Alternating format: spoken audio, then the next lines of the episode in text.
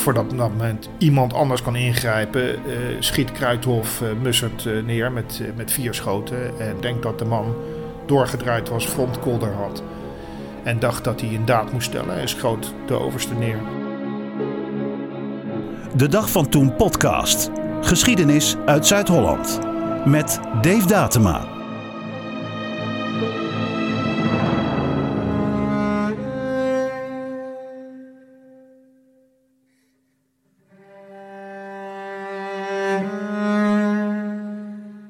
Deze week is het 82 jaar geleden dat Duitsland ons land binnenviel. Het begin van de Tweede Wereldoorlog voor ons land.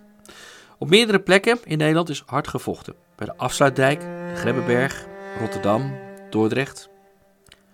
En in Dordrecht was het commando van de troepen in handen van Jo Mussert, de oudste broer van NSB-leider Anton Mussert. Jo Mussert werd na de eerste dagen van de oorlog doodgeschoten door zijn onderofficieren. Die waren ervan overtuigd dat Mussert fout was, een NSB-achtergrond had, net als zijn broer. Het verhaal van Jo Mussert is niet erg bekend, maar het heeft me altijd gefascineerd. Hoe kon het zijn dat een van de meest cruciale steden in Nederland verdedigd werd door de broer van de NSB-leider? En was Jo Mussert fout? Twee vragen die centraal staan in deze aflevering van de Dag van Toen podcast. Voor het antwoord stap ik in de auto en ga ik naar het noorden van Zuid-Holland. Ja, Allard Goossens, uh, historicus. Uh, gespecialiseerd op uh, de meidagen 1940. Duitse veldtocht in het westen van Europa. maar met name uiteraard in Nederland. In mijn tas heb ik een foto meegenomen. De foto is van Jo Mussert. Klein mannetje, helm op, streng kijkend. Ja, dat is Johannes Mussert, ofwel Jo uh, Mussert, de oudste broer van Anton Mussert. Klein van stuk, uh, bijna Frans aandoende, kittige officier, 1,58 meter en uh, spitsig, leek totaal niet op zijn broer. Um, en was een, een bijzonder stijve, ja, formalistische persoon. Terwijl zijn broer Anton ja, veel ontspannender was. Ehm. Waar was hij in de meidagen van 1940 verantwoordelijk voor? Ja, dat was voor het depot. Dus hij, was in, de, hij, hij, hij, draaide dat hele depot waar op dat moment opleidingstroepen in zaten. Daar was het 1500 man. Maar omdat hij de hoogste commandant was van Dordrecht, was hij tevens kantonnementscommandant. Wat eigenlijk inhield, zoals de Duitsers dat een ortscommandant noemden, dat hij administratief de hoogste militair was in die hele sector. En dat betekende de facto in, op het hele eiland van Dordrecht. Maar hij had alleen de stad Dordrecht onder zich. En dus is de broer van Anton Mussert, de NSB-leider van Nederland, is verantwoordelijk voor een, wat later blijkt, een sleutelstad. Ja, Dordrecht lag er uiteindelijk in de verdedigingsplannen uh, ruim achter uh, wat toen de tijd het, uh, de vesting Holland Zuidfront heette. Ehm, maar doordat de Duitsers dus met hun luchtlandingen diep in de vestinglanden lag hij ineens vanaf eigenlijk het eerste uur in de frontsector. Was hij fout? Nee, hij was uh, zeker niet fout. Nee. Jo Mussert was vrijwel zijn hele leven beroepsmilitair, al sinds het begin van de 20e eeuw. Hij was al soldaat in de Eerste Wereldoorlog, maar kwam toen niet in actie omdat Nederland neutraal was. En in de aanloop naar de Tweede Wereldoorlog had hij het geschopt tot commandant van de pontoniers en torpedisten. Die waren gelegerd in Dordrecht. Nou ja, die torpedisten zijn dus de, de, natte, de natte ernstvuurwerkers, zoals dat heet. Dus de, de, de, de torpedo is niks anders dan een, um, maritiem explosief. Later is dat dan iets geworden wat dan met voort, voortstuwing werd afgeschoten. Maar oorspronkelijk waren het gewoon versperringen, mijnversperringen. En dat, dat, die werden dan... Drijvende mijnen. Ja, drijvend of, verankerd. Maar in ieder geval waren het natte uh, uh, springstoffen. Daar waren torpedisten waren ook uh, opgeleid in het vuurgevecht. Want ze waren ook voor maritieme patrouilles bedoeld. Dus ze waren uitgerust met zware mitrailleurs, type fikkers. Dus er waren ook daarin... en hadden ze een basisgevechtsopleiding. de pontoniers, hun broeders, waren de mannen die met pontons, dus de, zeg maar de, de, de bonkige uh, drijvende organen waar een brug overheen gelegd wordt, de pontonbrug, die waren bedoeld voor, voor zeg maar de geniet de water. En daar was deze Jo Mussert dus de baas van? Daar was hij de baas van. En dat was hij eigenlijk al een aantal jaar. Ehm, en hij was ook gezien, hij werd ook echt gezien door zijn meerdere als een specialist. Als een van de beste, zo niet de beste torpedist. Dus hij werd echt als gezaghebbend gezien in de zin van zijn vak. Zat hij daar eh, in Dordrecht op zijn plek? Technisch wel, maar als je er bestuurlijk, politiek bestuurlijk naar kijkt, dan is het raar dat de broer van Anton Mussert in de meidagen nog steeds actief was. Dat is een keuze waar je vraagtekens bij kunt stellen. Dan beginnen de meidagen van 1940. De Duitsers vallen aan uh, via de Grebbelinie, Afsluitdijk en door Brabant via de Moerdijkbrug richting uh, Rotterdam. Dordrecht komt midden in de gevechtslinie te liggen. Um, hoe gaat hij daarmee om? Nou ja, Dordrecht, Dordrecht is een van de plaatsen waar de Duitse luchtlandingen plaatsvinden. Dus die Duitse luchtlandingsoperatie, met name de operatie tussen Moerdijk en Rotterdam, was bedoeld zoals Market Garden vier jaar later bedoeld was, uh, uh, met het innemen van sleutelbruggen om met landformaties, dus, dus tankformaties, gemechaniseerde en gemotoriseerde troepen, over die bruggen de vesting Holland binnen te komen, zoals de geallieerden dat over de Rijn wilden uh, bewerkstelligen. beide operaties zijn in die zin op de laatste brug bij wijze van spreken gesneuveld. Zij het dat de Duitsers door het bombardement op Rotterdam alsnog die brug innamen. Dat lukte de geallieerden niet. Um, maar uh, Mussert zat ehm, in principe ver achter de frontlijn, want die had moeten liggen aan de Moerdijk, uh, waar achter ook een defensie was georganiseerd. Hij zat in Dordrecht en was in één keer commandant van een uh, garnizoenstad met 1500 man. Hoe verliepen de meidagen in Dordrecht? Um, tumultueus. Er is gewoon vier dagen heel hard gevochten in Dordrecht. Er is harder gevochten in Dordrecht dan er in Rotterdam is. Dat is iets heel opvallends. Um, Dordrecht is ook uh, uh, veel lastiger verdedigbaar geweest dan Rotterdam. Bij Rotterdam was het op 10 mei hard vechten. Maar iedereen lag toen aan de andere kant, of beide kanten lagen, met de rivier ertussen. In Dordrecht uh, liep de scheidslijn tussen de partijen. Was door de stad. Het was gewoon een urban warfare, zoals je dat deze dagen in Oekraïne ziet dat was voor beide partijen uitdagend. Uh, en uh, als we voorstellen dat de Duitsers die uh, aanvielen, de luchtlandingstroepen en de parachutisten daarin getraind waren, die waren geoefend in urban warfare. Nederlanders absoluut niet. Laat staan de genisten onder Mussert. Dan is het zo dat Mussert vanaf het moment dat hij geconfronteerd wordt met die luchtlandingen, eigenlijk per ongeluk of bewust de juiste beslissingen neemt. Hoe bedoelt u? Hij, uh, de Nederlandse officier werd in die tijd geoefend in. Uh, op het moment dat je aangevallen wordt, je hebt een inbreuk, dan grendel je die inbreuk af, je herpositioneert en je reageert. Dus het is eigenlijk uh, isoleren, positioneren, ageren. Tegenwoordig zou je zeggen, en ook de Duitsers deden dat, isoleren en direct ageren of direct ageren. Dus direct een tegenstander die aanvalt, in zijn flank aanvallen of zelfs helemaal eromheen en, en in zijn rug aanvallen. Dat, dat deden de Nederlanders niet, zo waren ze niet opgeleid. Het ging heel geleidelijk. En Musser deed precies dat. Hij grendelde de Duitse positie af. Zorgde dat hij niet verder de binnenstad in konden komen. Grendelde Crispijn af, dus het zuiden van eh, eh, Dordrecht. Positioneerde zijn troepen. En eh, liet daarna, met troepen die hij van buitenaf had laten aantrekken, ageren tegen de bruggen. Hij deed eigenlijk precies volgens het boekje. Iets wat je andere officieren in Rotterdam totaal niet ziet doen. Ja, het is, dat is een hele opvallende uh, kwestie, omdat um, dit totaal niet gepland was, totaal niet geoefend was. Er was geen draaiboek, dus dat was allemaal geïmproviseerd. En dat werd in, en, improvist, om het maar op zijn Frans zeggen, werd het verschrikkelijk goed gedaan. Heel opvallend goed. Er is één opmerkelijk feit in dit hele verhaal, is dat de cruciale actie hiertoe is uh, door één sectie spoorwegtroepen uitgevoerd, die eigenlijk niet onder uh, Mussert vielen, maar die ook in de geschiedenis tot een jaar of zeven, acht geleden totaal genegeerd zijn. Uh, en ik, ik, ik, durf te zeggen dat ik degene ben geweest die dat geïsoleerd heeft, per ongeluk een spoorwegtroepenverslag gevonden. De Duitse verslagen uit Duitsland van de parachutisten gevonden, die in Nederland tot dat moment niet bekend waren. En toen ik die twee naast elkaar leg, toen zag ik dat de spoorwegtroepen de poot dwars hebben gezet voor de Duitsers. De Duitse kompiescommandant hebben gedood. En dat pas daarna de pontoniers van Mussert uh, Crispijn hebben kunnen afsluiten. Maar die spoorwegtroepen, dat zijn 40 man slechts geweest in, de, in het park. Ehm, die zijn de crux geweest waarom Mussert en Dordrecht behouden bleven voor de Nederlandse zaak tot 13 mei.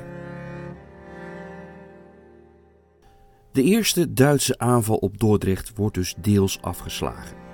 Blijkt al snel dat er snel en veel extra troepen nodig zijn bij Dordrecht, want ook aan de Brabantse kant van de Moerdijkbrug zijn Duitse troepen geland. Maar zijn andere onderdelen van het leger bereid om Jo Mussert, de broer van Anton Mussert, te hulp te schieten? Vertrouwen ze hem wel? Iedereen kende de naam Mussert en associeerde dat met de NSB. En, en niet dat iedereen die Mussert heette NSB'er was, maar hij was al gauw bekend. Het is de broer van. Dus er was al snel een zweem van verdenking op dat moment. Alleen hij deed nog niks irrationeels voor de mensen op die 10e mei. Dus op die 10e mei was er niet veel vrevel. En hij kreeg ook van andere commando's enzovoort alle medewerking. Uh, op 10 mei gebeurde er op dat vlak nog niet zoveel. Wanneer veranderde dat? Wanneer liep er wel wat vrevel en was die, die medewerking verdwenen? Als je de verslagen volgt, dan zou dat op 10 mei al ergens gebeuren en op 11 mei uh, nog sterker. Um, maar ik denk dat dat vooral uh, kennis achteraf is. Ik denk dat er pas op 11 mei iets ontstaat. Dus wat er, wat er, op, wat er op 11 mei uh, gebeurt, is dat um, het de bataljon wielrijders wordt daar ingezet in de avond van 10 mei al om een aantal patrouilles door de stad te voeren. Met name van het oosten van de stad. Nou, woonde de familie van Mussert zelf en van menig andere officier en onderofficier in dat deel van de stad. Het Oranjepark woonde zijn familie zelf en hij liet opvallend vaak in de omgeving van Oranjepark patrouilleren. Eh, zoals objectief gezien te vaak. Enerzijds zien we hele logische handelingen, anderzijds zien we, het is wel opvallend vaak het oosten van uh, de stad waar zijn eigen familie zit. Dat is iets wat op dat moment mogelijk al opviel. Je ziet in de verslagen van de wielrijders waarom worden wij steeds gebruikt om uh, de stad door te lopen. Anderzijds, er waren voortdurend berichten van schietpartijen in de stad. Wat was dat in feite? Bijna zeker de, de, de afketsende kogels waren vuurgevechten aan de rand van de stad.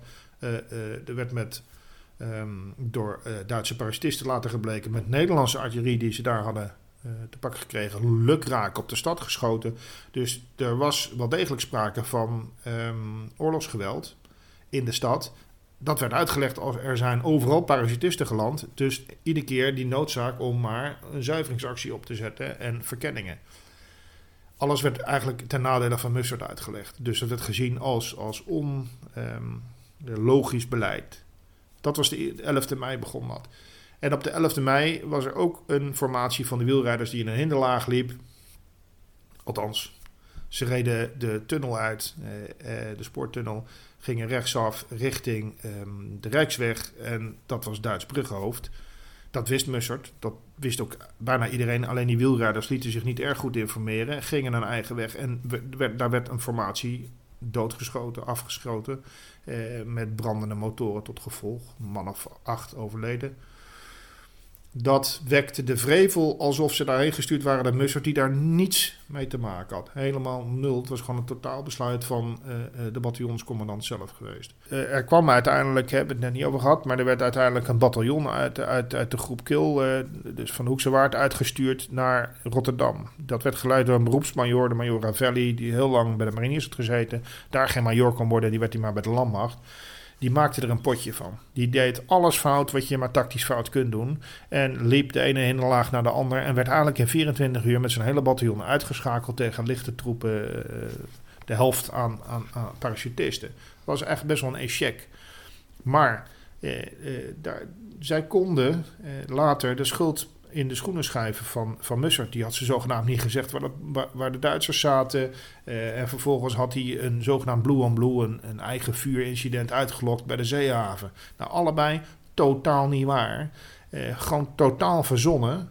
Uh, in het tegendeel, zoals waar ik heb van de luitenant Zeeman. dat was de adjudant van de Ravelli.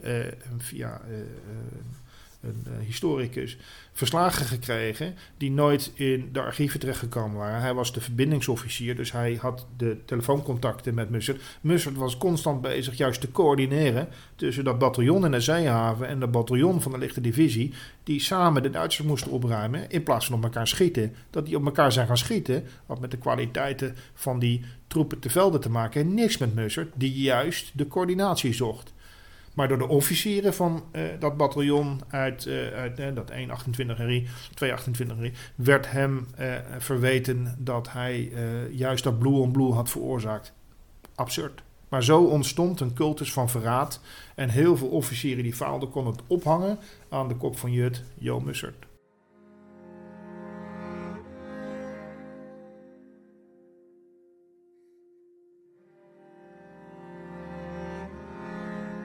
Zelfs zijn meest, um, zijn meest toegewijde uh, onderofficieren en officieren hebben bijna allemaal in de loop van de meidagen wantrouwen gegeven. En dat, dat kwam door allerlei gebeurtenissen die, als je ervan uitgaat dat er een verrader is, kan uitleggen en ophangen aan iemand.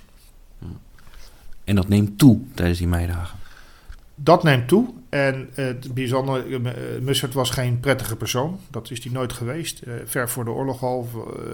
Altijd stijfkoppig uh, op het narcistische af. heeft in de jaren dertig ook nog eens een keertje een hersenoperatie ondergaan. Waarna hij helemaal ja, panisch werd. Had, had last van in ieder geval opvliegende aanvallen van boosheid.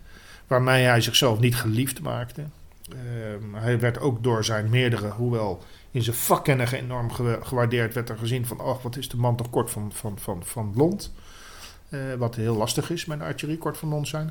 Maar uh, het is een, eh, een, een kwestie die, ehm, die uiteindelijk, dus de aversie tegen de persoon, wordt gecombineerd met de aversie tegen de, de NSB. En ja, de Duitsers vallen binnen, 1 en 1 is 3. Is er dan niemand die zegt van, wat moet die man daar? Ja, op, op 12 mei is zijn kapitein adjudant um, aardig in paniek. Dat is hij eigenlijk al vanaf de eerste dag. Maar constateert ook dat uh, hij, hij krijgt van het veld uit weerstand naar Mussert. Kunnen we de man wel vertrouwen? Hij zegt in feite nee, ik denk het niet. Ik ga er zeker niet voor instaan. En hij krijgt vanuit zijn overste Mussert iedere keer uh, druk van haal die informatie uit het veld, ik heb informatie nodig. Dus die zit in het midden. En op een gegeven moment merkt hij, hey, de commandovoering gaat niet goed meer op deze manier. Hij belt op dat moment de enige senioren uh, officier die hij kent in de buurt. Want uh, Mussert is luitenant-kolonel en, en eigenlijk de hoogste in de stad. Uh, en, en, in het commando groep Kill is de kolonel van Andel, achterneef van de generaal van Andel overigens. Maar die hadden voor de rest niet zoveel contact met elkaar, mogen elkaar trouwens ook helemaal niet. Maar op dat moment is de kolonel van Andel zelf op een vergadering en zijn chef staf, dat is de kapitein Kalmeijer, die neemt dan de beslissing namens zijn commandant om Mussert uit zijn functie van kantonnementscommandant te zetten. Dat mag hij helemaal niet. Dus hij gaat totaal buiten zijn boekje. Dat had zijn commandant ook niet gemogen. Want Mussert valt onder de generaal van Handel, commandant vesting uh, Holland. En totaal niet onder het, het vak ernaast. Mussert wordt op medegedeeld en zegt: Ik piek er niet over. Die hebben niets over mij te vertellen. Belt de generaal van Handel en die zegt onmiddellijk: Ja, hoe komen ze erbij? Je blijft aangesteld. Het enige wat ik wil is dat, de, dat je niet de gevechtscommandanten in de weg loopt. Dus je moet je wel schikken naar wat de gevechtscommandanten willen. Dit is een poging geweest die ik zal je voor de rest besparen wat er dan zich afspeelt tussen Van Andel en zijn neef. Want die krijgt een schobering waar een paard de hik van krijgt. Uh, um, Mussert wordt op dat moment wel degelijk gepoogd af te zetten. Maar komt eigenlijk feitelijk niet meer terug in het commando. Dus uh, de, de lichte divisie wil niks meer met te maken hebben. Uh, op een gegeven moment krijgen die de generaal van Andel als gevolg hiervan aan de lijn. En die denken dat het Mussert is met een verdraaide stem. Zo is de paniek toegeslagen. Mussert werd vervolgens buiten afstemming gehouden. Wat houdt dat in? Nou ja, die troepen gingen een eigen plan trekken. Eh, terwijl Mussert zegt, ik ben kantonnementscommandant. Ik moet weten waar jij je troepen legt. En dat zei hij dan tegen de kolonel Bijl, die de, uh, de commandant was van de lichte divisie.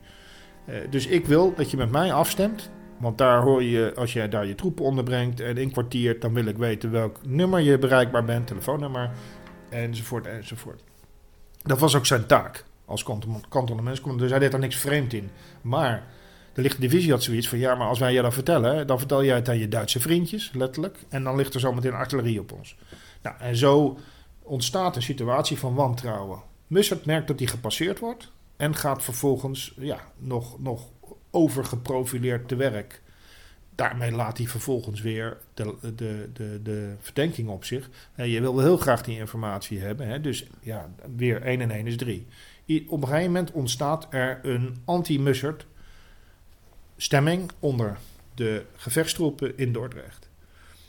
En dat slaat op 13 mei met name toe op het moment dat de stad door tanks van buitenaf wordt bedreigd.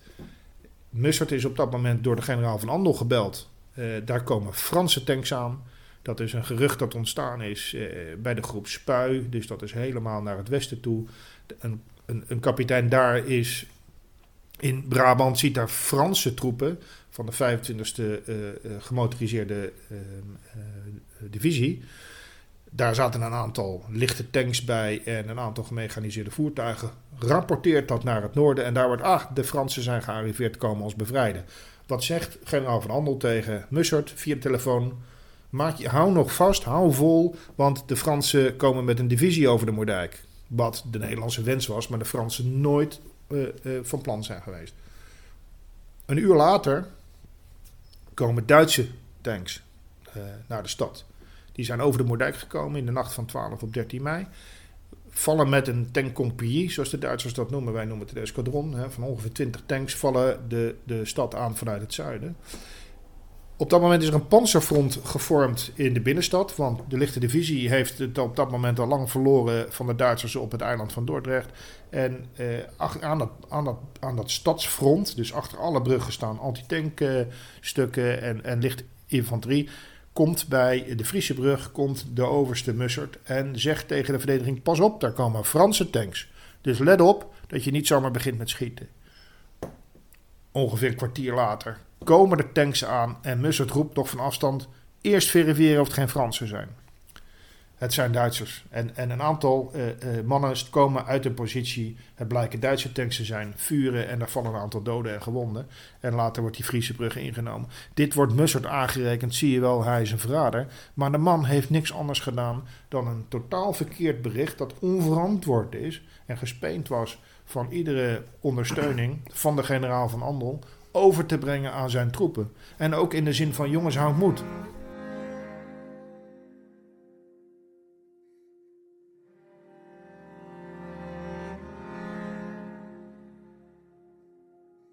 Nou ja, uiteindelijk is het zo dat het grappige is, Dordrecht is goed verdedigd. Dus de Duitse tankaanval op de binnenstad wordt net aan afgeslagen. Een aantal Duitse tanks breekt uit, maar wordt daarna nog eens een keertje afgeslagen. En ze verliezen daar vier tot zes tanks bij, trekken zich terug, willen dan overwegen een nieuwe aanval. Uh, maar het Nederlands veldleger heeft op dat moment de opdracht gekregen om zich terug te trekken boven de Merwede. Dus Dordrecht moet op dat moment ook ontruimd worden. Dat besluit komt ook bij Mussert terecht via de lichte divisie. Daar verzet hij zich tegen, want zowel zijn gezin als dat van bijna alle andere korpsleden zitten in Dordrecht en ze willen dat niet aan de Duitsers overlaten. Wat op zich ook opmerkelijk is voor iemand waarvan gedacht wordt dat hij pro-Duits is. Maar hij was hartstikke bang voor de Duitsers. Dus hij wilde dat niet, verzette zich, maar hij kreeg echt bevel van nee, je gaat mee. Af, hij gaat mee, dus hij gaat in de nacht van 13 op 14 naar de overzijde en, en moet krijgt daar met zijn troepen, want hij blijft de commandant van toch zo'n duizend man nog aan uh, pontoniers en torpedisten, de, de opdracht mee om een nieuwe defensie of een deel van de defensie boven de Merwede te gaan vormen. Hij heeft op dat moment met zijn officieren een, een, uh, een gevechts, of moet ik het, stafoverleg in Sliedrecht. Um, en in de tussentijd is daar een kantonnement gevormd door de lichte divisie, waar uh, een officier van Piquet uh, is. Uh, dat is de eerste luitenant Kruithof.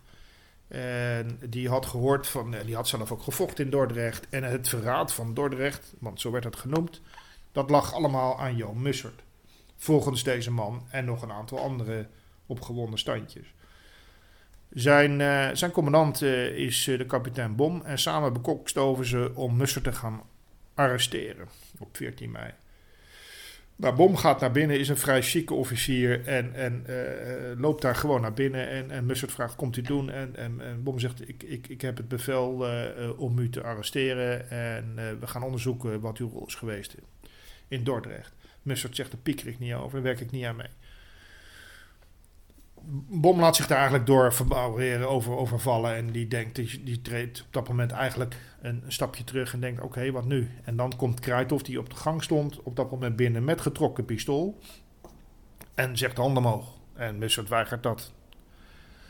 En voordat er voordat dat moment iemand anders kan ingrijpen, uh, schiet Kruithof uh, Mussert uh, neer met, met vier schoten. En ja, roept later dat het noodweer is. Ik heb nog nooit één detail ontdekt waarom het noodweer is. Ik denk dat de man doorgedraaid was, frontkolder had. En dacht dat hij een daad moest stellen en schoot de overste neer, die bij dodelijk gewond raakt. Uh, wordt op dat moment wel overmeesterd door anderen, en, en, uh, uh, maar uiteindelijk wel vrijgelaten. Want er, het sentiment was toch van ja, misschien was Musser toch wel fout. De, de, iedereen in die kamer op dat moment, van Major de Bie tot en met kapitein van de Mark en nog één of twee andere mensen, die, die zijn er allemaal door over gehoord. En eigenlijk zegt iedereen wel van ja, hij had wel de verdenking op zich. Al wel, bijna iedereen ook zegt ja, ik geloofde niet dat hij het verkeerd bedoelde. Behalve Van der Mark, die is altijd overtuigd geweest en gebleven.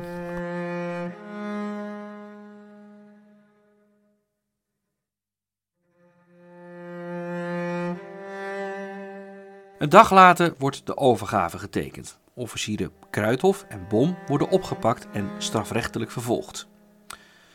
Maar voor de nabestaanden, zoals de familie Mussert, blijft er de klap over nu Jo Mussert is vermoord. Dus daar kwam heel, daar, al heel snel uh, aan de orde wat daar gebeurd was. Bovendien, de mensen die het gedaan hadden waren nog overtuigd van een goede daad en waren er behoorlijk vier op. Dus het verhaal ging, die verraad, de verrader van Dordrecht is afgeknald. Nou, het is duidelijk dat Dora dat niet pikte. Uh, de broer Anton, die natuurlijk uh, door de hele gang van zaken dacht dat hij de nieuwe leider van Nederland zou worden was ook gelijk geagiteerd, dus de zaak werd aangespannen. En uh, overigens, juridisch, voor zover ik dat kan nagaan, uh, ja, gewoon behoorlijk gevoerd voor het Vredesgerechtshof in Den Haag. En daar is ook gewoon een, een, een advocaat uh, aangesteld voor de, de daders, Kruithof en Bom. Bom en Kruithof zaten een groot deel van de bezetting in de cel. Na 1945 kwamen ze weer vrij. Volgens Goossens is het niet zo dat Mussert fout was, maar hoe ontstond dan toch dat beeld over hem? Kwam het alleen door de band met zijn broer Anton Mussert? Nee, er is meer. Zijn vrouw, Theodora Dora uh, Mussert, de, dus de vrouw van Jo Mussert, werd in, in, in 1936, uit mijn hoofd gezegd, uh, ook lid van de uh, NSB. En was daar ook best wel fanatiek in. Uh, was overigens sowieso een vrouw die bekend stond om uh, niet al te conformistisch gedrag. Was, ze was wat, uh, wat uitzonderlijk, om het maar zo te zeggen. Kennelijk als compensatie voor de juist weer heel ja, formalistische, klerikale officier die Jo Mussert was. Want dat was een stijfkop en bepaald niet bekend als het feestvarken. Uh, dus die combinatie was ook heel apart. Het was een heel vurig gezin. Hè. Het Nationaal Archief is daar uh, een heel, heel aardige bloemlezing over te lezen. Hoe dat gezin marcheerde. Waar de zonen, de mannelijke lijn, heel erg aan de liberale kant zat. En eigenlijk tegen die NSB ageerde. En die dames, eh, de dochters en, en moeder, heel erg pro-NSB waren. De oudste zoon is dat nest al vroeg ontvlucht en bij de, de pakketdienst gaan varen in, op Indië werd in de oorlog uh, geïnterneerd door de Japanners en heeft nooit gezegd: hé, hey, ik ben de, neef van Mussert, mag ik vrijkomen? Nee, was helemaal niet voor zijn oom. Hij is overleden tijdens de internering. En een andere zoon, Johan van, uh, van Mussert, was uh, gemobiliseerd bij het 10 regiment artillerie in Rotterdam. Heeft zich daar uitstekend gedragen. Was zelfs voorgedragen voor een onderscheiding. Maar is in de jaren tijdens de oorlog, waar hij gewoon ambtenaar was in Rotterdam, veroorzaakte een dodelijk ongeluk met een borreltje op. En is toen gauw bij de NSB, uh, uh, uh, of bij de NSB, bij de SS gegaan om een veroordeling te voorkomen. En de jongste zoon, Hans, die minderjarig was voor de oorlog, door de moord, moord, op zijn vader, wat natuurlijk het gezin wel op een, op een, op een kant zette, Um, is al vrij vroeg bij de SS gegaan. En die beide, uh, Hans en Johan, hebben de oorlog overleefd. Allebei gewond geraakt aan het Oostfront. Ehm, de dochters zaten uiteraard bij de NSB. Dus uiteindelijk is dat hele gezin wel op Dirk na, de oudste, bij de NSB terechtgekomen. Maar het zal zeker in die beginperiode behoorlijk gescheurd hebben binnen die familie. Ja, zeker. En, en zeker ook toen, toen uh, Mussert door zijn meerdere op het matje was geroepen over het gedrag van zijn vrouw. Want op hemzelf was eigenlijk nooit wat aan te merken. Maar op zijn vrouw wel degelijk. Die gedroeg zich gewoon niet goed. Uh, leurde ook met uh, volk en vaderland. was veel te fanatiek, prominent aanwezig. En, en Mussert zag de gevaren voor zijn carrière. En heeft daar in 38 gewoon gesommeerd om haar lidmaatschap op te zeggen. Dat deed ze dus niet uit overtuiging, maar om de carrière van haar man uh, te steunen. Maar zij waren daar echt verschillend in. Hij was echt een liberaal. Hij geloofde, hij vond zijn, zijn broer ook een dwaas. Dat is ook wel van bekend. Een van die zoons heeft ook al verklaard. Hij noemde zijn broer een dwaas. En zei van, joh, dit kost je je kop. Doe eens normaal. Doe niet zo raar fanatiek. Uh, vond ook raar dat hij tegen zijn eigen land, als het ware... Uh, hè, want hij was wel hartstikke ja, laat ik maar zeggen, gezond nationalistisch, Jo Mussert. Maar was absoluut trouw aan de goede zaak. Dat is ook iets wat door zijn commandant eh, eh, Jan van Andel, generaal van Andel, heeft ook gezegd. Deze officier was totaal ter goede trouw, was vakkundig. Er is geen enkele reden om deze man landverraad uh, toe te dichten. Nou, zo werd hij ook gezien door de leidinggevende. Hij werd door zijn leidinggevende, zowel de kolonel Vajan als, als, als uh, de generaal van Andel gezien als een buitengewoon deskundige man die weliswaar lastig in de omgang was, maar dat was bepaald niet uitzonderlijk voor officieren in die tijd. Uh, dus dus, dus uh, laten we wel eens Garot van, van, van Rotterdam stond ook niet bekend als het zonnetje in huis. En zo, zo, dat gold voor heel veel beroepsofficieren. De, de generaal van Harberts is na de oorlog wel eens een keertje in de jaren 70 op televisie gekomen. Nou, die liet daar een hele duidelijke ja, autoritaire mening zien. Nou, daar kan Nederland heel slecht tegen. Uh, we, we, willen altijd alleen in oorlogstijd een leger. Voor de rest willen we vooral geen leger. Nou, dat dus, dus daar was een gezonde Hollandse uh, weerstand tegen het militaristische van Mussert. Maar Mussert was ter goede trouw.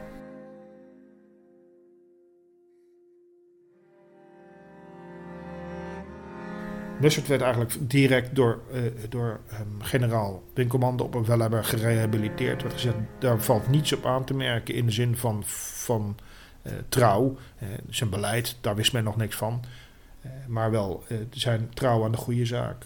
Hoe ontwikkelt zich dat na 1945? Dan zijn de Duitsers vertrokken. Dan ontstaat er dus een nieuwe situatie. Verandert dan het beeld dat er over Mussert ontstaat? Nou nee, want wat ik nu net schets, dat zijn natuurlijk vooral verslagen die gekomen zijn in de periode 45 tot 50.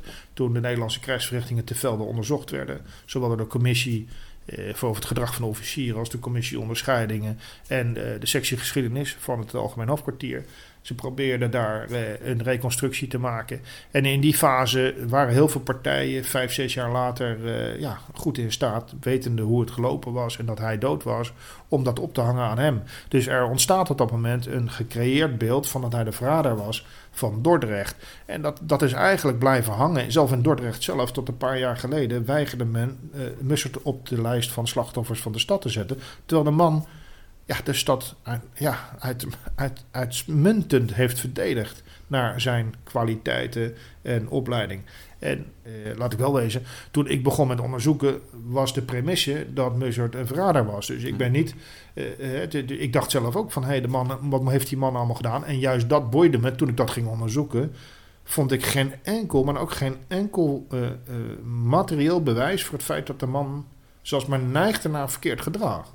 Alleen alles is later geframed. Het is heel wrang dat er dan nog steeds mensen zijn die toegang hebben tot de werkelijke informatie. Alleen het kost moeite om dat te reconstrueren. Maar die dan anderen napraten uit die tijd en zeggen: Mussert als een verrader hoort niet op de lijst van oorlogsslachtoffers van de stad Dordrecht. Ik vind dat fruikend.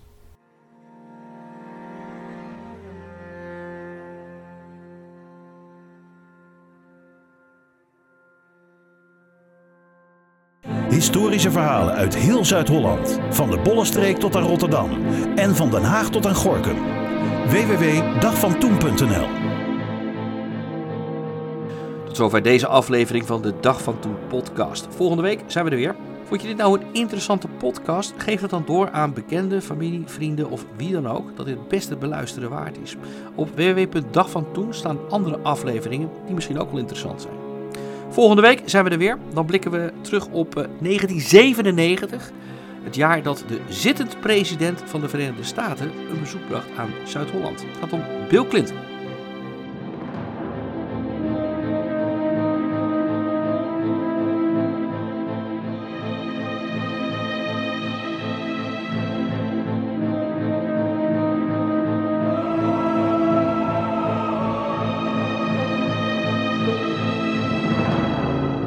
Van Toen podcast. Geschiedenis uit Zuid-Holland.